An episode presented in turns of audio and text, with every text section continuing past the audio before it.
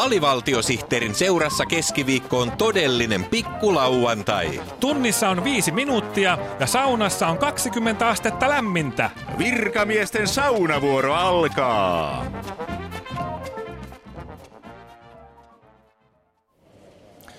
No niin, hyvät kahdeksan C-luokan oppilaat.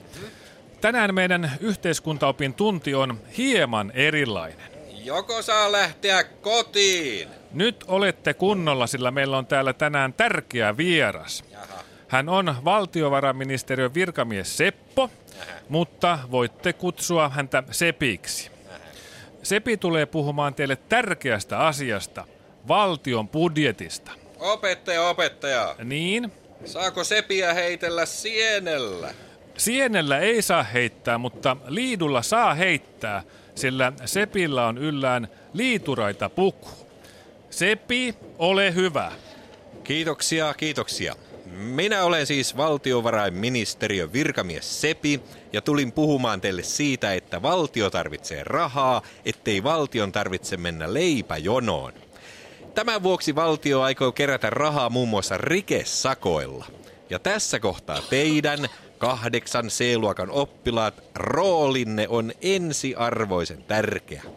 Tämän kuun alusta lähtien rikesakot on kaksinkertaistettu ja nyt jokaisen suomalaisen on tärkeää tehdä mahdollisimman paljon rikkeitä. Sepi, no mitä rikkeitä sitten pitäisi tehdä?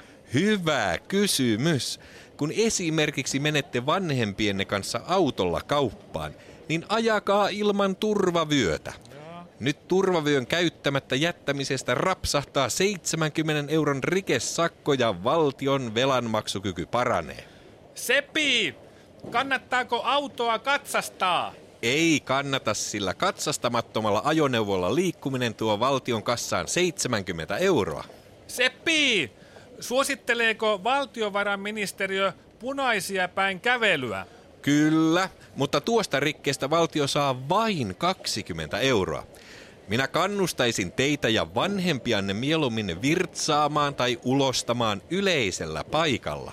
Siitä valtion alijäämä pienenee 40 euroa per henkilö.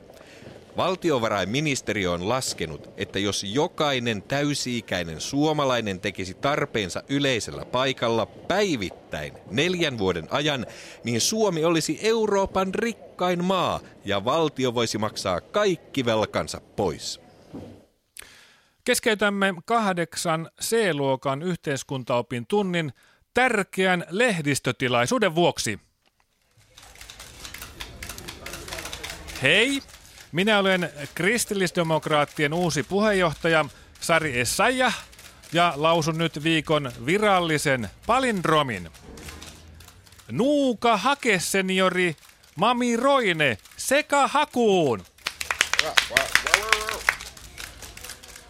Seuraavaksi lausun linjapuheeni myös takaperin. Nuuka hakeseniori Mami Roine sekä hakuun. Moi!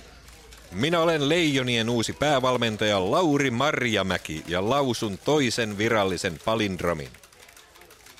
Ana, Eki Aho, Tokiossa passoi